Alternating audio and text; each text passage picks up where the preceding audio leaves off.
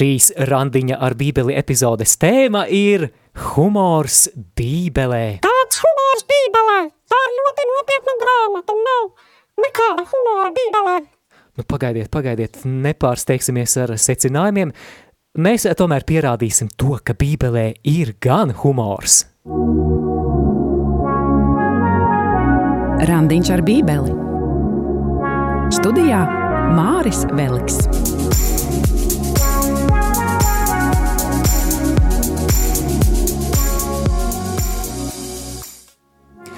Esiet sveicināti, darbie randiņi ar bībeli klausītāji. Šeit ne tikai Māris Veliks studijā, bet arī Olga Dadeka. Man šķiet, ka divatā būs interesantāk un priecīgāk arī ēteru veidot, un es ceru, ka arī tur, kur tu šobrīd atrodies, klausītājs skanēs labāk. Vai ne? Dzīvāk. Tā kā Olga, paldies, Tieši ka, tā. ka piekriti piedalīties šajā raidījumā. Un mēs šodien uzsākam randiņu ar bībeli otro sezonu, un tas ir pamats, lai šo notikumu nosvinētu noteikti. Un tādēļ šī randiņa ar bībeli 31. epizode būs speciāla izlaidums par ļoti intriģējošu tēmu. Humors. Un ne, ne tikai vienkārši humors, bet, Humors bībele. jā, darbie klausītāji, ja es lūgtu pacelt rokas, kuri no jums ir dzirdējuši par tēmu humors bībelē, es domāju, ka varbūt tikai uz vienas rokas pirkstiem varētu jūs saskaitīt, kas esat vispār par šo tēmu kaut ko dzirdējuši, tāpēc neizslēdz savu radioaparātu, svinēsim kopā, un tas mazliet, lai pasmaidītu, lai atpūstos un nosvinētu jaunās sezonas sākumu. Jā, no vienas puses šī epizode būs nenopietna, bet no otras puses arī ar savu nopietnības devu. Savukārt jau nākamnedēļ, ja Dievs dos mēs nopietni, pavisam nopietni atsāksim studēt arī Mateja evaņģēliju no vietas, kur mēs apstājāmies pagājušās sezonas beigās.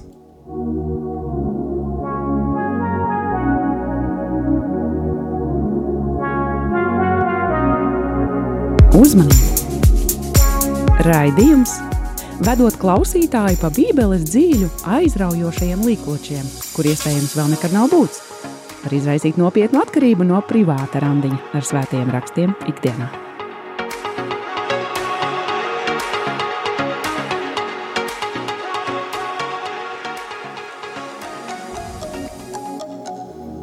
Mārija, kā tad ir ar humoru ne tikai bībele, bet arī pār bībeli? Man liekas, ir daudz visādu joku par bībeles lasīšanu, par, par lasītājiem varbūt, par kādam Jā. vietam, vai ir kādi joki?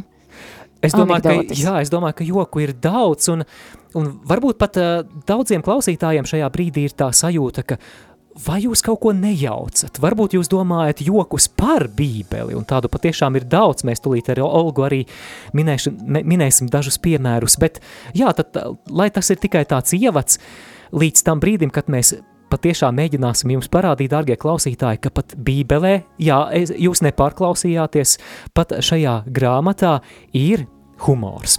Bet nu, dažas bibliskās anekdotes. Varbūt Olga no, no tavas puses kāds pirmais piemērs. Es domāju, daudzi kristieši piedzīvojuši varbūt šo eh, anekdoti savas dzīves, kā dažreiz mēs um, lūdzam Dievu un gribam pieņemt kādu lēmumu, mēs mēģinam atvērt bībeli un tieši meklēt to atbildi tieši bībeli, un ir kāda anekdota par to, ir kāds cilvēks vēlas pieņemt lēmumu, un tad viņš lūdz, un viņš atver bībeli, un pirmā vieta, ko viņš atrot, ir tad jūdas aizgāja un pakāras, un viņš viņa, un viņa, Melnais humors. Jā, diezgan melni, ļoti melni, un viņš domā, nu, nē, vajag vēlreiz pamēģināt, un tad viņš lūdz un atkal atver vēl vienu vietu, un tur jau cita vieta, un tur rakstīts, ej un dari tāpat. Un, eh, jā, tad viņš, to, viņš tomēr nepadodas, un eh, viņš izdomā, nu, jāmēģina trešo reizi to izdarīt, un tad viņš atver kādu citu vietu, un viņ, tur viņš lasa visu, ko dari, dari ātri. Jā, visu, ko dari, dari ātri. Vēl viens biblisko anekdošu piemērs. Kā Ādams taisnojās savu bērnu priekšā par to, ka viņi vairs nedzīvo ēdenes dārzā. Nu, redziet, lieta tāda, ka jūsu mamma mūs izēda ārā. Vai trīs profesionāļi strīdas par to, kura profesija ir senākā. Ķirurgs saka, nu, Bībelē ir teikts, ka Dievs izņēma ribu no Ādama sāna un radīja ievu, tā ka te bija nepieciešama ķirurģiska iejaukšanās. Tātad noteikti pirmā profesija bija medicīna. Inženieris purina galvu un atbild, nē, nē, Bībelē arī rakstīts, ka Dievs radīja pasauli no tukšuma un haosa, un lai to paveiktu, Dievam noteikti bija jābūt inženierim. Tāpēc inženieri ir senākā profesija. Politiķis pārliecinoši pasmaida, ielūkojas abiem acīs un saka, hmm, bet kurš jūsuprāt radīja haosu? Man šīs joks, šī anekdote man atgādināja mūsu sveceļojumu. Mums arī bija tāda prieka grupa, kura mums nodrošināja O, jā. uh, dienu ar kādiem jokiem un pārsvarā tie bija saistīti ar bībeli. Tad mums viens joks bija saistīts ar to, ka dieva profesija tomēr bija elektrīkis. Kāpēc? Tāpēc, ka dievs teica, lai top gaisma. Jā, tev, Olga, ir vēl kāda anekdote? Laikam Jā, ok, labi, tad, tad es piedāvāju no savas puses. Eņģelis uzrunā Ādamu. Man tev, Ādam, ir laba ziņa. Dievs plāno radot te, radīt tev kaut ko brīnišķīgu. Ādams ir ieintriģēts, kas tas būtu. Eņģelis saka, nevis tas, bet viņa. Dievs radīs sievieti. Ādams saka, turpini, turpini. Eņģelis, un tas būs brīnišķīgi. Šī sieviete būs līdzīga tev, bet tikai daudz, daudz skaistāka. Viņa dzīvos, lai tev vienmēr kalpotu, kad tu būsi noguris, viņa tev sniegs masāžu, kad būsi izsalcis, viņa tevi pabaros.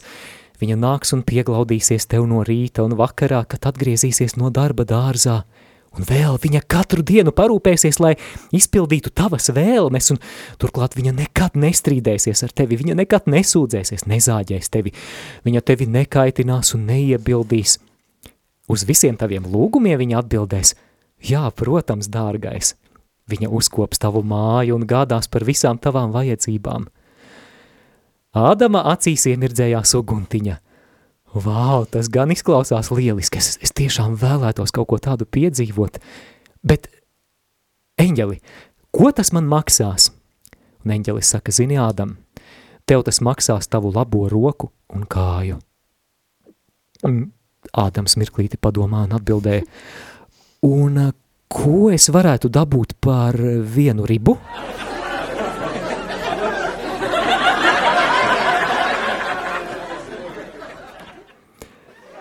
Šis bija ļoti labs. Bet vai tiešām ir humors pašā bībelē? Es domāju, noteikti. Un, bet runāt par humoru, kāpēc vispār mēs runājam par humoru? Vai kas ir mūsu, kas iedvesmoja rakstīt bībeli, vai Dievam pašam ir humora izjūta? Māri, kā tu domā? Ir, ir pat tas teiciens, ka Dievam ir laba humora izjūta. Es domāju, ka daudzi klausītāji varētu liecināt par kādām dzīves situācijām, kur mēs redzam, ka Dievam ir humora izjūta. Un man šķiet, ka ja kāds cilvēks netic, ka Dievam ir humora izjūta, nu paskatieties, piemēram, uz ziloni. Nu, tas ir smieklīgs dzīvnieks, vai ne? Vai zebra. Nu, tā, kaut kas tāds līdzīgs zirgam, bet tas kakls ir tik, tik garš. Man, man šķiet, ka viņam ir, ir laba humora izjūta. Tu biji domājis uh, zebra vai žirafi? Es domāju, abi dzīvnieki ir smieklīgi, katrs, katrs pa savam, bet, bet, bet zebra ar, ar garu kaklu laikam vēl smieklīgāk. zebra, jā, līdz tam laikam Dievs neaizdomājās, bet, bet mēs arī runājam, mēs, mēs arī, ja bībeli lasām, mēs redzam, ka Dievs ir prieka avots. Tur, kur ir Dievs, tur ir prieks. Vieni no maniem mīļākajiem vārdiem psalmu grāmatās ir no 16. psalma, kur ir teikts, ka prieka pārpilnība tava vaiga priekšā un līksmība pie tavas labās rokas uz mūžiem. Tieši tā, man liekas, arī Jēzus mums apsolīja prieku. Viņš Jāņa 15. nodaļa teica, ka es to es jums saku, esmu runājis, lai mans prieks mājotu jūsos un jūsu prieks būtu pilnīgs. Un man liekas, humors tieši palīdz, palīdz mūsu prieka izjūtai. Un, Noteikti, ā, tas jā. noteikti ir no Dieva. Un arī, mēs arī runājam par to, par to dieva raksturu vai dieva īpašībām, un liekas, ja mēs esam rādīti pēc dieva tēla un līdzības, tad, un ja mums ir humors, nu varbūt kādam vairāk, kādam mazāk, jā, Jā. bet, nu, dievam noteikti ir humors. Noteikti, patiešām, jā, Dievs ir ielicis mūsos eh, to, kas kaut kādā ziņā atspoguļo viņu, un ļoti, ļoti laba doma caur šo līdzību ar Dievu, caur šo Dieva attēlu mūsos, tad mēs redzam, jā, ka Dievs mums, mums pašiem kā cilvēkiem ir devis šo dāvanu, bet tas atspoguļo kaut ko, kas piemīt pašam Dievam, un um, arī nu, piemēram, ja mēs domājam par ebreju tautu, tad ebreju tauta ir arī ļoti izslavēta ar savu humora izjūtu. Un zinot, ka, piemēram, vecās derības teksti ir radušies tieši ebreju kultūras ietvaros, tad nu, nav brīnums, ka šie teksti arī atspoguļo šīs tautas mentalitāti, šīs tautas humoru, un mēs arī šī raidījuma turpinājumā runāsim par daudziem piemēriem, kur tad bībelē mēs šo humoru vai sarkasmu vai ironiju vai komēdiju varam arī atrast. Bet uh, es domāju, ka svarīgs arī kāds uh, jautājums varētu būt, kāpēc mēs nevienmēr tik viegli atrodam to humoru bībelē, vai ne? Jā, tieši tā, man liekas, ka uh, nu, pirmais, par ko varētu runāt, kāpēc mēs nevaram, mēs lāsam, varbūt mums tā nopietna pieeja Bībelē, bet arī uh, jāņem vērā, ka lielāka daļa no gramātam, gra, gramātam bija rakstīta jau cita kultūra, cita laika, Jā. citos apstākļos, un mēs īsti nesaprotam to kontekstu, nesaprotam varbūt, uh, kāda bija tā situācija, kura cilvēki bija dzīvojuši tajā laikā, un līdz ar to mēs ne līdz galam varam, varam saprast, vai tur ir humors vai nav. Jā, pat mūsdienās eh, var būt tā, ka vienas kultūras pārstāvis sa- satiekot kādas citas kultūras pārstāvi joko un, un saskaras ar to situāciju, ka viņu nesaprot. Olga, tu nesen pusgadu nodzīvoji Ungārijā, kā tur, vai tur humors ir līdzīgs vai ne? Um, man liekas, ir līdzīgs, bet uh, ņemot vērā, ka es dzīvoju ar brazīliešiem, viņam savukārt ir savs humors, ļoti tāds skaļš un attraktīvs un ekspresīvs, un noteikti man liekas, ka viņam būtu... Uh, Būtu daudz ko latviešiem arī pastāstīt, un ungāriem. Es zinu, ka uh, tur ir pilnīgi citas tradīcijas, un dažreiz tas uh, raisa tādu apjukumu, piemēram, brazīliešiem nākot ciemus pie, pie, pie, pie ģimenes Brazīlijā, tad uh, viņi piedāvā tev ēst un ir pieklājīgi atteikties. Un pieklājīgi pateikt, nē, es negribu. Un tad viņam ir azars, tad viņi piedāvā vēl un vēl un vēl. Un patiesībā, nu, tad tev jāpiekrīt, jā, un tad Ā. tev tomēr jāiet. Bet tiem pašiem misionāriem, brazīliešiem, kad viņi bija, kad viņi devus uz Ungāriju un viņi gāja pie kāda ciemos, un tas cilvēks, ā, nu, prasa, nu, gribi tēju vai kaut ko paēst, Un, protams, ka tas cilvēks no Brazīlijas saka, nu, nē, paldies. Un tas uh, Ungāri saka, nu, labi, negribi, tad negribi. jā, un viņam likās tā ļoti dīvaini šī situācija, jā, un bija, viņam bija tāda sajūta dīvaini, nu, kāpēc tad viņš man ne, neturpina piedāvāt. Jā, tās kultūru atšķirības un humors noteikti ir arī tāda joma, kur mēs varam nesaprast viens otru. Tepat nav jāmeklē varbūt kaut kāds starpkultūru dialogs. Man šķiet jau šeit mums radio kolektīvā mēs paši reizēm par sevi pasmējamies, ka kurzemnieki nesaprot vidzemnieku jokus, vidzemnieki nesaprot kurzemnieku jokus un kur nu vēl tāds daugaupilietis kā es, kurš apgalvoja par sevi brīžos, ka par maniem jokiem neviens nesmējās, ka es esmu sava humora lielākais cienītājs. Jā, tā ka cita kultūra un laiks, kurā šis, šie teksti ir tapuši. Bet uh, tāds autors Hovards Meisijs ir teicis, ka ja mēs domājam, ka humors bībelē lielākoties izskatās kā stand-up komēdija, mēs daudz no tā neredzēsim. Tā ka drīzāk mums ir jāmeklē tāda smalkāka ironija, vārdu spēles, tādas lietas, kas var mums likt pasmaidīt. Tad nākamais, nākamais punkts, kāpēc mums varētu šķīst, ka Bībele nav humora. Man liekas, mēs varētu pārāk nopietni pieiet pie, varbūt, pie mūsu ticības un Bībeles lasīšanas, un man liekas, mums jā, varbūt jāņem šīs piemērs no svētiem, ir daudzi svētie, kas bijuši prieka pilni, bet arī humora pilni, un dažreiz ir ironija, un viņa bija satīra, piemēram, arī Kuri svētie? Nu, piemēram, ir svētais Laurencijs, jā, kurš arī nāves brīdi, kad viņu jau cepa uh, uz oglem tā jau teikt, viņš teica, nu, jūs varat man pagriezt tagad uz citu pusi, jo tā viena puse jau ir izcepusies. Jā, nu, man liekas, tas tāds jau slavenais joks, bet arī Avielis Terēze, viņam bija tik daudz, tik daudz joku, un es atceros, kāds mūks karmelīts, tēvs Maksimiliāns, varbūt kāds atceras, viņš tagad Jā. laikam Polija vai Ukraina, viņš stāstīja tādu joku par Avielis Terēzi, kad viņa taisies reformēt kar Karmela klosteri, tad viņa gribēja to daļu, sieviešu daļu, sieviešu klosterus reformēt, bet arī vīriešu, un līdz ar to viņam meklē kādus mūkus, un kad atrada, pie viņas atnāca divi mūki, un tas bija Jānis no Krusta un vēl kāds cits, un kad eh, Terēze ieraudzīja eh, viņus, un Jānis no Krusta, viņš bija ļoti īsa auguma, tad viņa paskaties un teica, ak, vai man tagad ir vesels pusotrs mūks, kā, cik es esmu priecīga. Šo es nezināju. jā, un jā, šis fakts, es, es meklēju internetu, un es tā arī neatradu, un līdz ar to es atsaucos uz tēva Maksimiliāna, ko viņš bija pateicis. Bet arī atceroties, atceroties eh, Terēzi no Avīlis, tad viņa arī um, vienu no savam lūkšanam arī teica, ka Labais kungs Jēzu atpestī mūs no svētajiem ar skābām sējam. Jā, bet man liekas, neviens laikam nevarētu pārspēt uh, Filipu Neri, jo viņš pat pirms mīsem, kad, kad viņš gatavojas mīsem, viņš bija tik ļoti svēta gara pārpilnīts un pārpildīts, ka viņš baidies varbūt kāda uh, ekstāzi nokļūt mīsas laiku, un viņš pirms mīsas lasīja karikatūras un anekdotes, lai būtu nedaudz piezemētāks un, un, un runātu cilvēciskajā valodā ar cilvēkiem.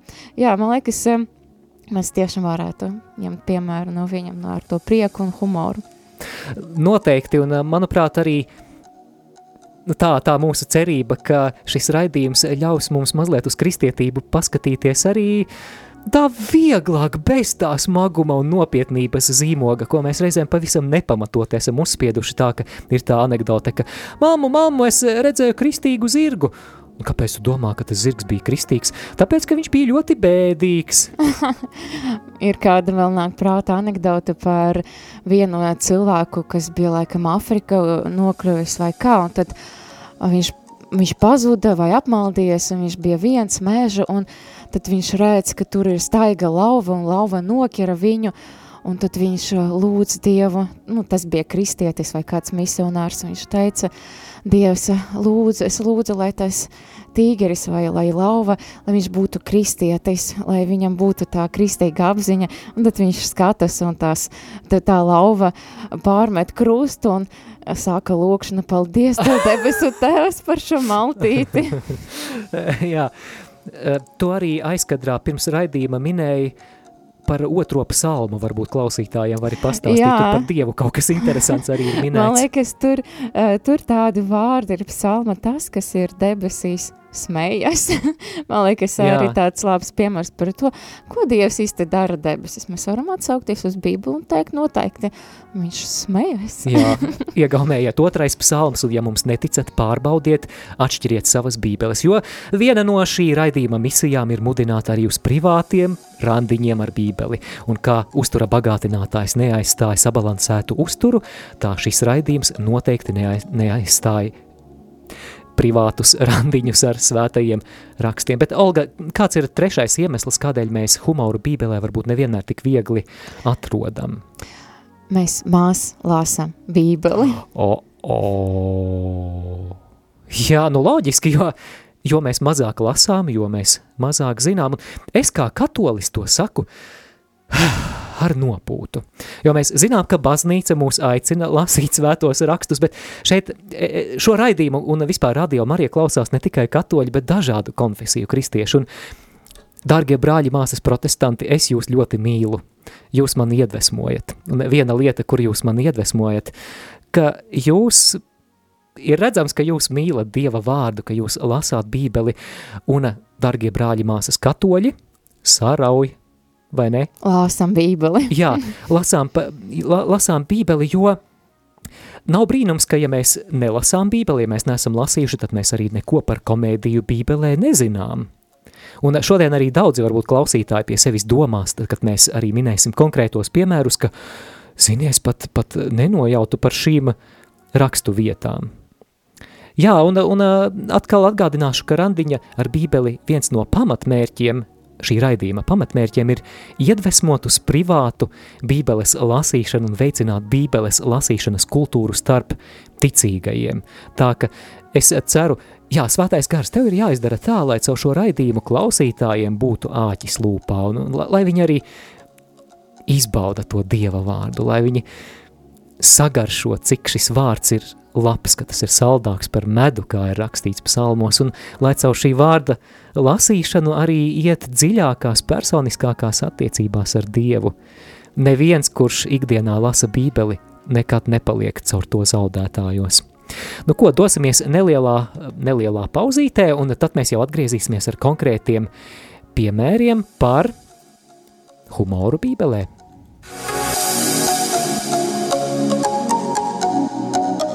Skan randiņš ar Bībeli. Esam atpakaļ ēterā randiņā ar bībeli. Esiet sveicināti radio klausītāji, sirsnīgs sveiciens tiem, kas tikko ir ieslēguši šo raidījumu. Mēs šoreiz runājam par tādu ļoti reti pārunātu tēmu kā humors bībelē, un nu ir laiks arī ielūkoties bībeles lapas pusēs un paskatīties, vai tiešām tur ir kādi humora piemēri. Un, Olga, ar ko mēs varētu sākt?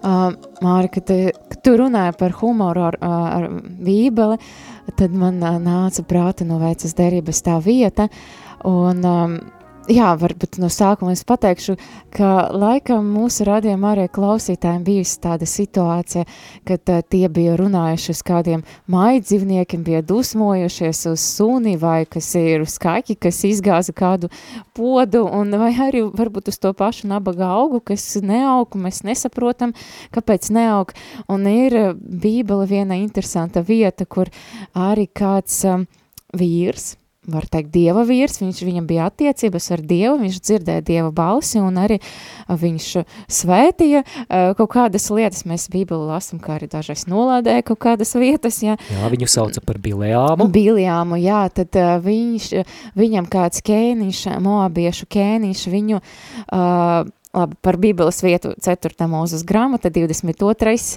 22. nodaļa, un jūs varat pārbaudīt, jā, tad mm, uh, viņu kāds uh, kēniņš, moabiešu kēniņš bija saucis, lai viņš nolādētu Izraēļu tautu, jo viņš nobijies no viņiem, un viņam likas, ka, nu, viņi tik ļoti stipri, spēcīgi, jo viņi tikko, tikko bija piekāvuši amoriešus, jā, cik es nemaldos, jā. Un tad tas Biljams, viņš dēvas pie tā balaka, pie tā kēniņa, un viņš dēvas uz ēzeļa. Un tad, dodoties uz turieni, tad ēzelim nostājas pretī eņģelis, un tas Biljams neredz to eņģeli, bet ēzelis redz kas ir ļoti arī interesanti, un, un, un bija tāda ļoti komiska, pat tāda gan drīz kā karikatūra, jā, tad ēzelis viņš nogriežas no ceļa, Un, eh, protams, ka Biljams ļoti dusmīgs, viņš sit ēzeli. Un tad... A, tur vēl, vēl smieklīgi bija tas, ka tas ēzelis iespiež Biljāmam kāju starp sienu. Jā, auč moments. Jā, tad tas ir tas, tas otrais moments, jā, ka viņš tie atkal redz to engeli, un tas engelis jau grib nogalināt to Biljāmu, jā, par to, ka viņš nostājas preti Dieva grībai, un tad, jā, ies, nospiež to kāju, un tad beigas trešo reizi, tad uh, tas ēzelis krīt uz ceļiem, tā eņģeļa priekša, un Biljams ļoti dusmīgs sīt eņģeli, un tad eņģelis... Nervos stipiņš tāds bija. Jā, un tad eņģelis iesaucas un, un sāka žēloties un saka, tā kā... Ēzelis. Ēzelis, jā, jā. nevis engelis, jā, piedošanu, jā. Tad viņš, kāpēc tu, kāpēc tu mani sīt? Un tad, tad Biljāms, tad dusmīgs, ja man būtu zobens, es tevi nogulinātu. Un tad, pēkšņi pēc tā ēzeļa vārdiem, tad Biljāmam atveras acis un viņš pats ieraudzīja eņģeli, un tad, tad man liekas, viņš bija ļoti priecīgs par to, par tā ezeļa kalpošanu, ka tomēr tas ezelis izdarīja tā, ka, ka beigas tas eņģelis viņa nenogalināja, tad viņš devis pie tā balaka, bet tāpat, tāpat viss notika tā. Jā, tur kā... arī, arī mazliet tāds komēdijas elements, ka tātad šis moābiešu ķēniņš balaks grib lai Bilejāms nolāt Izrēļa tautu, bet notiek tieši pretējais, ka viņš šo Izrēļa tautu svētī.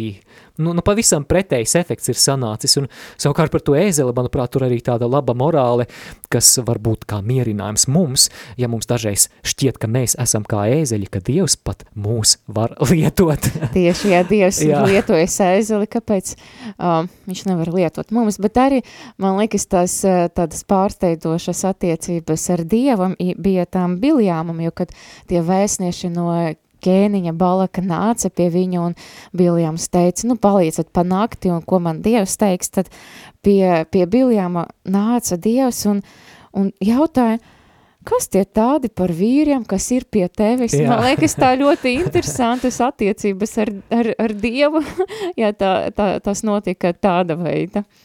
Jā, Nākamais eh, stāsts, nākamais komēdijas piemērs no bībeles, kura mēs varētu pievērsties, es to esmu nosaucis memmes dēliņš, jēkabs un sievietes valdzinājums.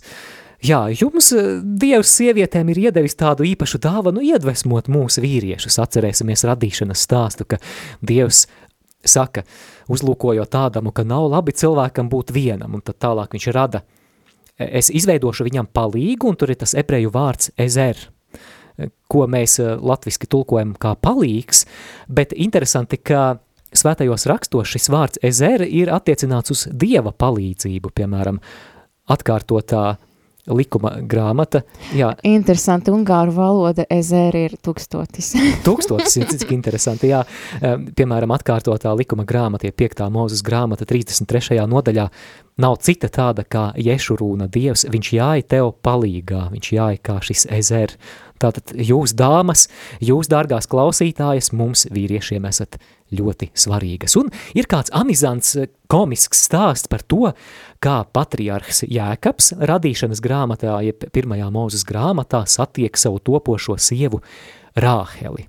Nu, mazliet tas backgrounds, jeb, jeb priekšvēsture, ir divi dvīņu brāļi, ir Ēzaus un Jēkabs. Ēzaus ir Viņš ir tāds riktīgais mačo, spalvainām krūtīm, un man šķiet mūsdienās viņš ostu pēc viskie, cigaretēm, mašīneļas un, un dīzeļa degvielas un kaut kāda lēta odekalona. Viņš ir mednieks un tāds īstais riktīgais vecis. Par Jēkabu mēs uzzinām, piemēram, radīšanas grāmatas 25. nodaļā, 27. pantā, bet Jēkabs bija māju cilvēks, kas dzīvo teltīs. Un iedomājieties, viņš, viņš līdz 40 gadu vecumam nodzīvo ar savu mammīti, un mēs, mēs tālāk redzam, ka mamma viņu tur regulē un tur visādas, visādās interesantās manipulācijas schēmās iesaista. Bet, bet. Lai dabūtu pirmdzimtību? Jā, lai dabūtu pirmdzimtību, tur viņi tur, tur senci piečakarē, bet, Bet ko spēja sievietes valdzinājums izdarīt pat šādā memmes dēliņā, kāds ir Jēkabs? Radīšanas grāmatas 29. nodaļā mēs lasām, ka Jēkabs nonāk pie akas.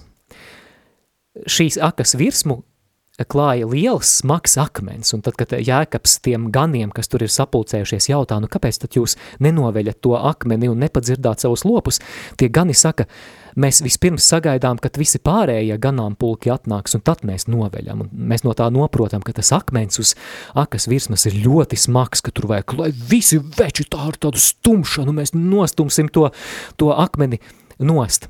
Un, un tad tālāk Tālāk ir tāds interesants pavērsiens, ka pie horizonta parādās ļoti skaista meitene Rāhele.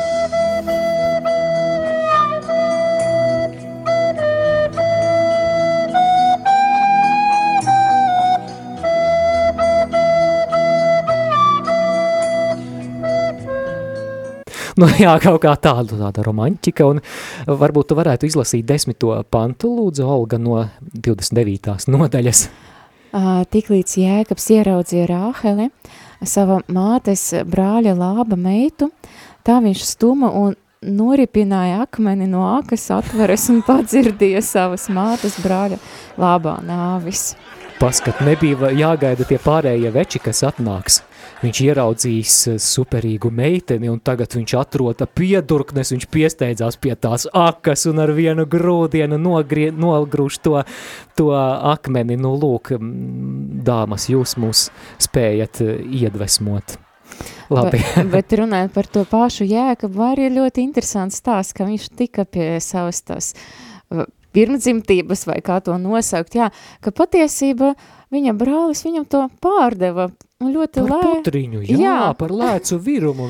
Kas arī likas tāds, tāds dī, dīvains pavērsiens un tāds, nu, var uz to skatīties tikai ar patiesībā ar humoru, ka tik lēta var tādu, tādu, tā, Jā. tādu lietu jau tajos laikos. Es domāju, tagad jau tas neko īsti laikam neizsaka jaunākais brālis, vecākais, bet toreiz, man liekas, tas bija īsti, uh, kad kad pirmais dēls bija visa, visa mantinieks, tad bija diezgan lēta cena. Pār Ļoti lēta cena, jā, viņa bračka vēlāk gan nožēlo to, protams, bet uh, interesanti, ja par Jēkabu šī nav vienīgā komēdija, jo tad, kad uh, Jēkabs septiņus gadus strādā, uh, lai viņš varētu ap, aprecēt Rāheli, nu, tur tāds no, nosacījums, tas, tas Lābans, Rāheles brālis ir pateicis tā, ka, nu, tev septiņus gadus ir jāstrādā, tad tu tikai to, to brīnišķīgo Rāheli varēsi aprecēt. Nu, un tad ir kāzu nakts, tur tumsa laikam neko nevar redzēt, no rīta pamostās, un viņam blakus guļ Viņa māsa. Rāheles Viņas māsa, Lēja, kuras eh, vārdu, cik es esmu dzirdējis, no ebreju valodas varētu tulkot kā govs. Ak, vai. Labi, mēs varētu turpināt ar kādu nākamo piemēru no, no vecās derības, kas mums tālāk tur plānā ir. Kēniņš, saules un harizmāti. Ķēniņš Jau saules, toreiz. jā, ķēniņš saules un harizmāti, jā, tā ir pirmā Samuela grāmata 19. nodaļa. Tā priekšvēsture mazliet ir tāda, ka atcerēsimies, dārgie klausītāji, kas ir Sauls. Sauls ir Izrēļa tautas pirmais ķēniņš, bet viņš caur nepaklausību zaudē šo savu stāvokli, viņš tiek atmests, un viņa vietā tiek svaidīts par ķēniņu, kas? Dāvids. Jā, Dāvids, un tur ir tāda situācija izveidojusies, ka reāli vēl Saulam vara pagaidām pieder, viņš vēl ir ķēniņš, bet Dāvids jau ir svaidīts, un, un Sauls uz šo Dāvidu sāk lūkoties kā uz konkurentu. Viņš sāk uztraukties par savu troni, viņam ir tā sajūta, ka tas Dāvids viņu var apdraudēt, un agrāk vai vēlāk pienāks tas brīdis, kad no troņa viņš kritīs. Un tad no Sauls sāka vajāt Dāvidu, un Dāvids bēg uz pravieša Samuēla kopienu Rāmā. Un uh, tur ir uh, Tāda harizmatiska jā, kopiena. ļoti harizmātiska kopiena. Tur ir pravietošana, tur ir aizrautība garā, tur ir tāds transam līdzīgs stāvoklis. Es gribētu tur ar laika mašīnu nokļūt, man, man patiktu. Un uh, ķēniņš Sauls uzzina, ka Dāvids tagad ir pie šī Samuēla viņa kopienā un sūta vēstnešus. Un varbūt tev ir atvērta 19. Nodaļa, pirmā tāda Samuēla grāmata.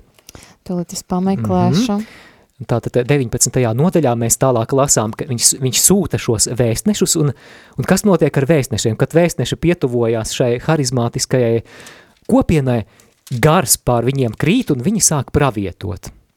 Ok, Sauls tad mēģina vēlreiz, viņš sūta citus vēstnešus.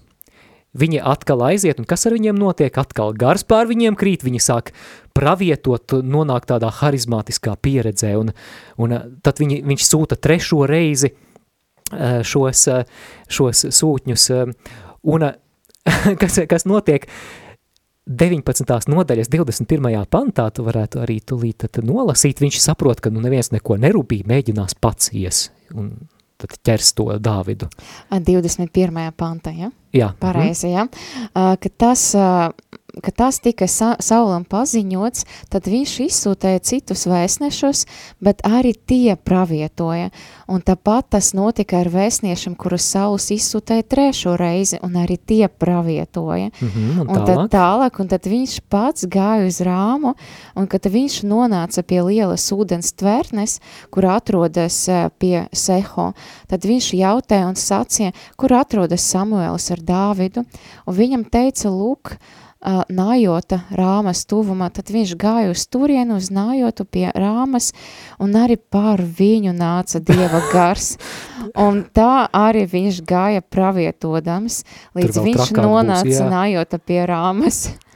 Un tur, kas tur tālāk vēl rakstīts? Tālāk ir, un arī viņš tur novilka savas drēbes un pravie, pravietoja Samuela priekša. Viņš krīta kails pie zemes un gulēja tur visu dienu un arī nakti. Tāpēc mēs, mēs sācīt, vai tad arī saul, saules ir starp praviešiem. Aplausi saulam.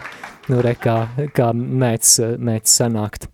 Par, es- par savu, man liekas, arī kāds stāsts tāds dīvains, man liekas, varbūt Māri, tu vari mani piekorigēt, jā, kad saula gribēja svaidīt, tad viņš bija aizbēdzis un viņš bija Jā, gribēja paslēpties, viņš negribēja, lai, lai viņu svaida par kēniņu, tas man arī likas Tas- tā tas arī dīvaina uzvedība, kāds, kāds tieši meklētu sev godu, nu jā, nu varbūt, varbūt arī pareizi, ja, piemēram, rīt jā man pateiktu, Olga, tu, tu, tu ierat. būsi par prezidentu, un es domāju, nē, es negribētu, es arī laikam slēpos. Jā, nu, tagad mēs varētu atgriezties uz izceļošanas grāmatu, jeb otro mūzes grāmatu un parunāt par Āronu un zelta teļu. Olga, vai tu varētu lūdzu sameklēt eh, 32. nodaļu, otrā mūzes grāmata? Es pa to laiku klausītājiem pastāstīšu to priekšvēsturi. Tātad situācija ir tāda, ka noteikti klausītāji tu atceries, ka Izrēļa tauta Mūzes vadībā izceļo no Ēģiptes.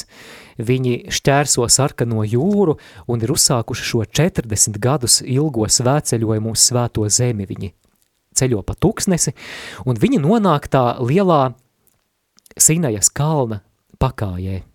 Tā ir tā vieta, kur kalna galotnē Dievs mūzum dot šīs derības, jeb liecības plāksnes ar desmit baušļiem, bet kamēr 40 dienas mūzus pavada laiku šajā kalnā, tad uh, notiek tur lejā tautas nometnē tāda garīga izgāšanās. Un uh, mēs lasām uh, tātad 32. nodaļā no, no 1. līdz 5. pantam, varbūt Olga, tu varētu No nolasīt. pirmā līdz piektajam, uh, kad tauta redzēja, ka Mūzes kavējas nokāpt no kalna, tā sapulcējas pie Ārona un sacīja, cēlies un darini mums kādu dievu, kas būtu mūsu priekšā, jo mēs nezinām, kas ar šo mūzu, šo vīru, kas izvēda mūs no Ēģiptes zemes, ir noticis. Tāds ār, tad, tad Ārons tiem atbildēja, noplēsiet zelta auskarus, kas ir jūsu sievu, jūsu dēlu, jūsu meitu ausis, un atniesiet to man. Tad visa tauta noplasa zelta auskarus, kas bija to ausis, un atnesa to Āronam, un viņš tos paņēma un no viņu rokam zīmēja metu ar zīmuli, no tiem izlēja tēļa tēlu, tad tie teica, šīs ir tavs dievs Izraēla, kas tevi izvēdis no Eģiptes zemes. Kad Ārons ier, to ieraudzīja, redzēja, viņš uh, uzcēla tā priekšā altāri un lika izsaukt, rīt ir svētki tam kungam. Jā, tātad, tā, kurš uztaisīja zelta teļu? Ārons.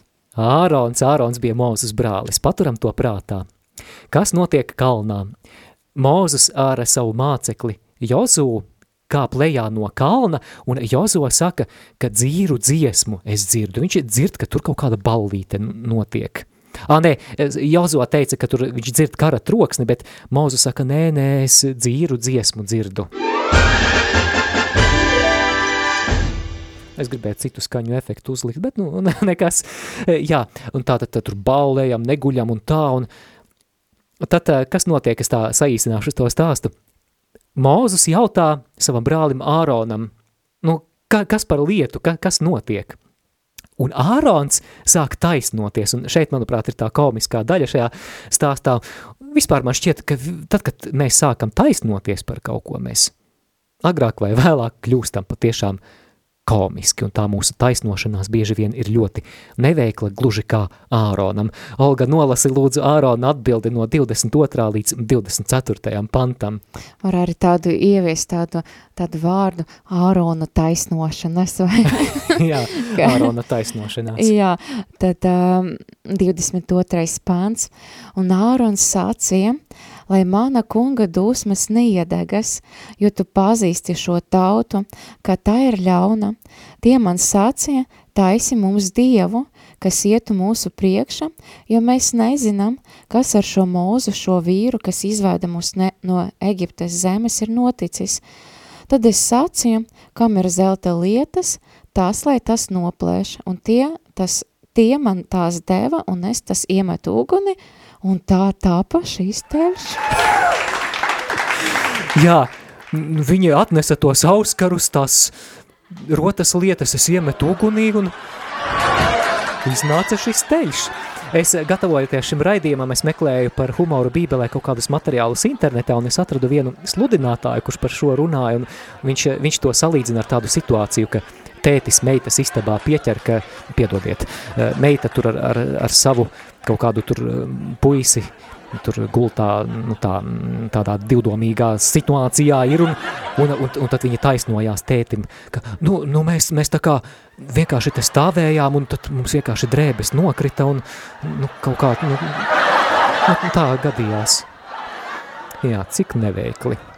Bet man liekas arī interesanti, ja mēs runājam par Āronu, par to, ka viņš sāka taisnoties, nu tas jau cits tas vainīgais, līdzīgi arī rādamu par to aizliegtā augļa ēšanu, tad viņš arī taisnies, nu tā sieva viņa deva un es sēdu, un arī līdzīgi jā. par ievu, nu tā čūska mani piekrāpa, mm -hmm. jā, nu tad jā. mēs sākam taisnoties, tad, nu mēs pārmetam beigas, nu pašam dievam līdzīgi, kā arī ar Ādamu un ievu. Jā rādām Arī pirkstus viens Āronu. Jā. Kurš, jā. Dosimies nelielā pauzītē un tad atgriezīsimies ēterā. Dargo klausītāji, varbūt tev ir kāds novēlējums randiņam ar bībeli šajā jaunajā sezonā. Droši iesaisties ēterā, raksti mums īziņu uz numuru 266 77 272.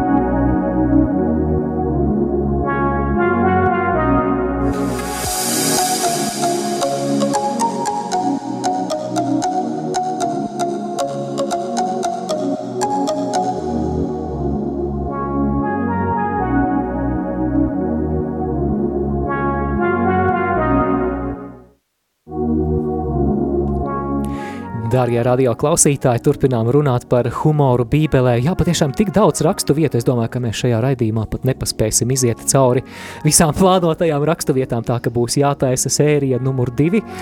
Varbūt par, par jaunu derību. Jā, jaunajā derībā, starp citu, tici vai nē, dargo klausītāji, arī jaunajā derībā ir humors. Man šķiet, ka mums tas būs jāatliek nākamajam raidījumam, bet vēl dažas interesantas vecās derības rakstu vietas, un nākamā stāsta virsraksts varētu būt Elīs izsmēja bāla praviešus. Un, kurā tas ir grāmatā, kurā nodaļā? Uh, pirmā ķēniņa grāmata, 18. Jā, 18. Jā. nodaļa. Un tā priekšvēsture ir tāda, ka šajā laikā Izrēļa valstī pieaug elgdievība, ir bāla kults, kurā ir iesaistījušies gan ķēniņi, ķēniņa galms un, un ķēniņa ģimene, un arī tauta, protams, seko līdzi, kā saka, galva pūst no zivs, ne, zivs pūst, no galvas. zivs pūst no, no galvas. Un ir palikuši tikai daži tādi uzticīgie, kas seko vienīgajam dievam, un viens no tiem ir pravietis Elīs, kurš šajā 18. nodaļā, pirmajā ķēniņu grāmatā, Karmela kalna galotnē aicina bāla praviešus uz kaut ko līdzīgu sacīkstēm. Tās būs tādas negluži Tokijas olimpiskās spēles, bet Karmela garīgās sacīkstes, kuru Mērķis ir raksturots 21. pantā. Tas, kurš Dievs atbildēs ar uguni pār upuri, ir īstais kungs. Bet arī ļoti interesanti, ka tā ir laika, uh, labi, es paturpināšu vēlāk, jā, bet kā, kā Elīs arī uh, lūdza to mm, viņa upuri apliet ar ūdeni, bet tā ir laika, kad nebija ūdens. Man arī jā. likas tā, tā interesanta. Mm -hmm. Interesanti tā bija viņa ideja. Tur, tā, tur tā ir laika, īstenībā, kad, ne, kad bija, kad pietruka ūdens, kad notiek, nu, ka septiņus gadus laikam bija, jā. bija sausums, nekas neauga, cilvēki cieta badu, un viņš saka, nu tad man lūdzu nesiet spaiņus ar ūdeni, es domāju, kur viņi paņēma to ūdeni tajā laika? Jā, bet tur ļoti, ļoti arī tāda dziļa doma par upuri, ka tāds īstais upuris mazliet sāp. Un, un šādā krīzes situācijā, kurā patiešām pilienu pa pilienam ir jāmeklē tas ūdens, tad jā, tā, tā ir arī tāda gatavība kaut ko upurēt, arī kaut ko ziedot, bet, bet tas humors, manuprāt, ir tajā, kā Elīs izsmēja šos bāla praviešus. Mēs lasām, ka no 23. līdz 25. pantam, kā tad uzvedās šie bāla pravieši. Jā, tad es nolasīšu. Lai mums tagad nodod div, divus vēršus, un viņi lai izvēlas sev vienu. Tā, 23. pareizi. Jā. Jā, un lai viņi izvēlas sev vienu vērsi, lai sacer to gabalos, un lai sakārto to uz malkas, bet uguni lai nepieliek. Tad es arī sagatavošu otru vērsi. Es to uzlikušu, uzlikšu uz malkas, bet uguni es nepielīkšu. Pēc tam piesauciet jūsu dieva vārdu, un arī es piesaukšu tā kunga vārdu, un tad, lai, lai notiek tā, kura dievs atbildēs ar uguni, tā, lai dievs, tas, lai ir dievs. Un tauta teica, tā ir labi. Tad Elijas sācie bāla priesterim, uh, izraugiet vienu vērsi un rikojieties pirmie, jo jūsu ir daudz, un piesauciet sava de, de, dieva vārdu, bet uguni nepielieciet. Tad es turpināšu, jā, Mhm. Mārija. Tad viņi paņēma vērsi, kuru, vi, uh, kuru viņš viņam bija devis, un tie viņu sagatavoja. Un viņa piesauca bāla vārdu no rīta līdz dienviedum, Nabadziņi. sacīdami, ak, bāla atbildīja mums, bet tur nebija nevienas balss, nec arī kāda, kas atbild, un tie klīboja apkārt altārim, kas Tiešām bija nabadzīgi. uzcelts. Tātad es turpināšu par, el, kā rīkojas Elīs arī, jā? Jā, tur e, arī, dārgo klausītāji, ieklausies tajā sarkasmā, kas ir Elijas vārdos, kad viņš sāk komentēt šos bāla praviešus. Un ap dienas vidu Elija uh, tos apsmēja un sacīja, sauciet stipra balsi, jo viņš taču ir Dievs, varbūt viņš iegrimis domas, vai aizņemts darīšanas, vai atrodas ceļa, varbūt viņš guļ, un viņam būtu jāmostas. Jā, es šo 27. pantu vēlos arī no jaunā tulkojuma, kurš ir tāds mazliet nepolitkorektāks, Ai, ai, ai, iztulkot, jo, jo šeit ir rakstīts tā, ka sauciet stiprāk, viņš taču ir Dievs, varbūt viņš nogrimis domās vai atvieglo vēderu. Mm, Tas ir tāds bibliskā toaletes humora piemērs.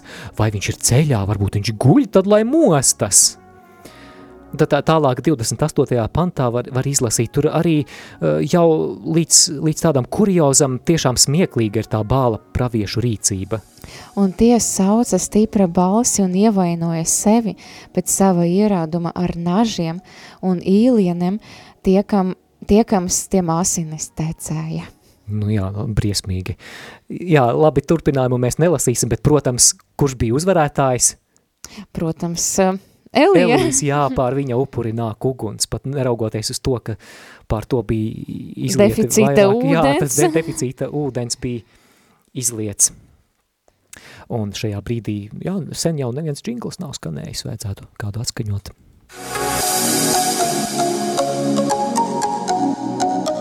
Skan randiņš ar bībeli.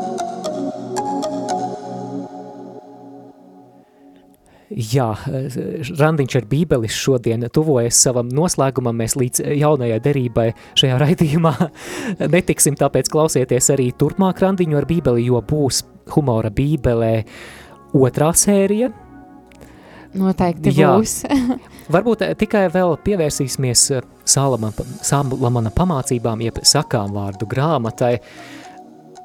Šī grāmata pieder tā saucamajam gudrības literatūras žanram, un tās domas, kuras tiek piedāvātas ķēniņam Salamanam, tur ir izteiktas tādu teicienu, jeb eh, trāpīgu aforismu veidā.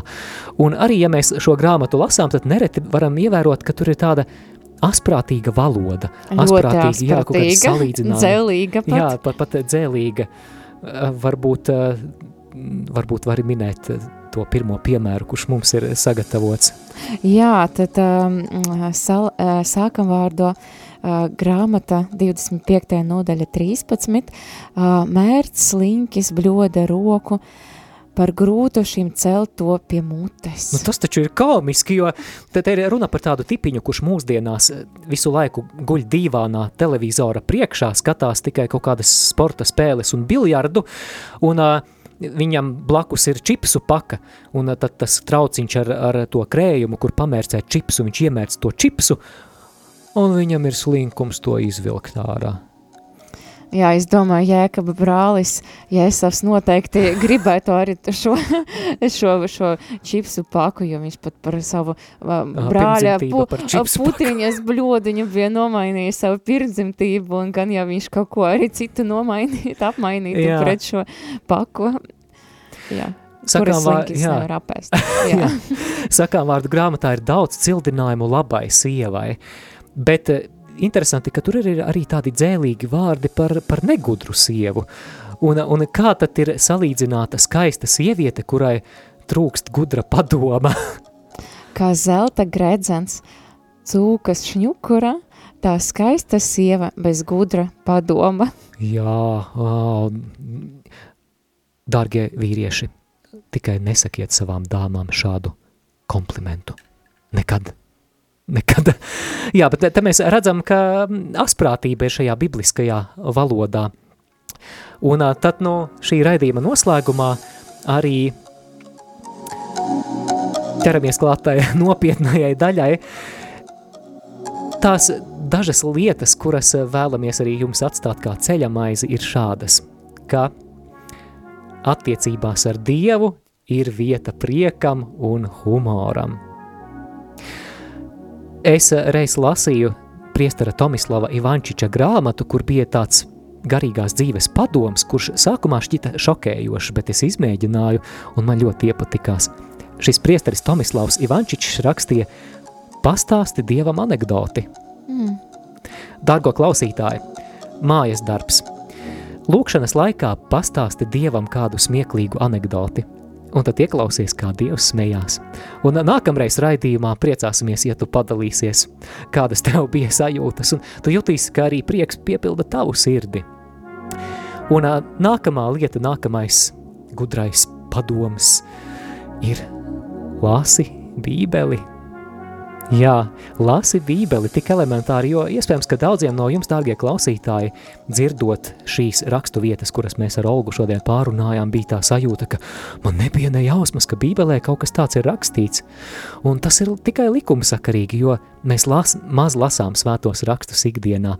Un tad šīs atsauces uz humoru bībelē uztver kā tādas norādes uz to, ka svētajos rakstos ir arī citas daudz vērtīgākas lietas par kurām daudzi pat nenojauš.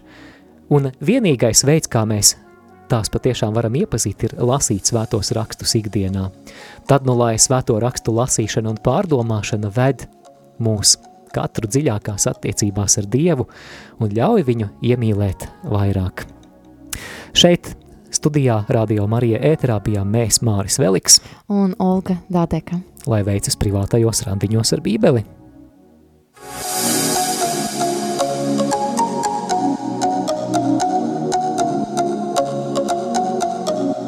Jūs klausījāties raidījumu Randiņš ar Bībeli. Savas atsauksmes, ieteikumus un jautājumus sūtiet uz e-pastu randiņš ar bībeli at gmail.com. Iepriekšējās raidījuma epizodes aicinām meklēt arhīvā.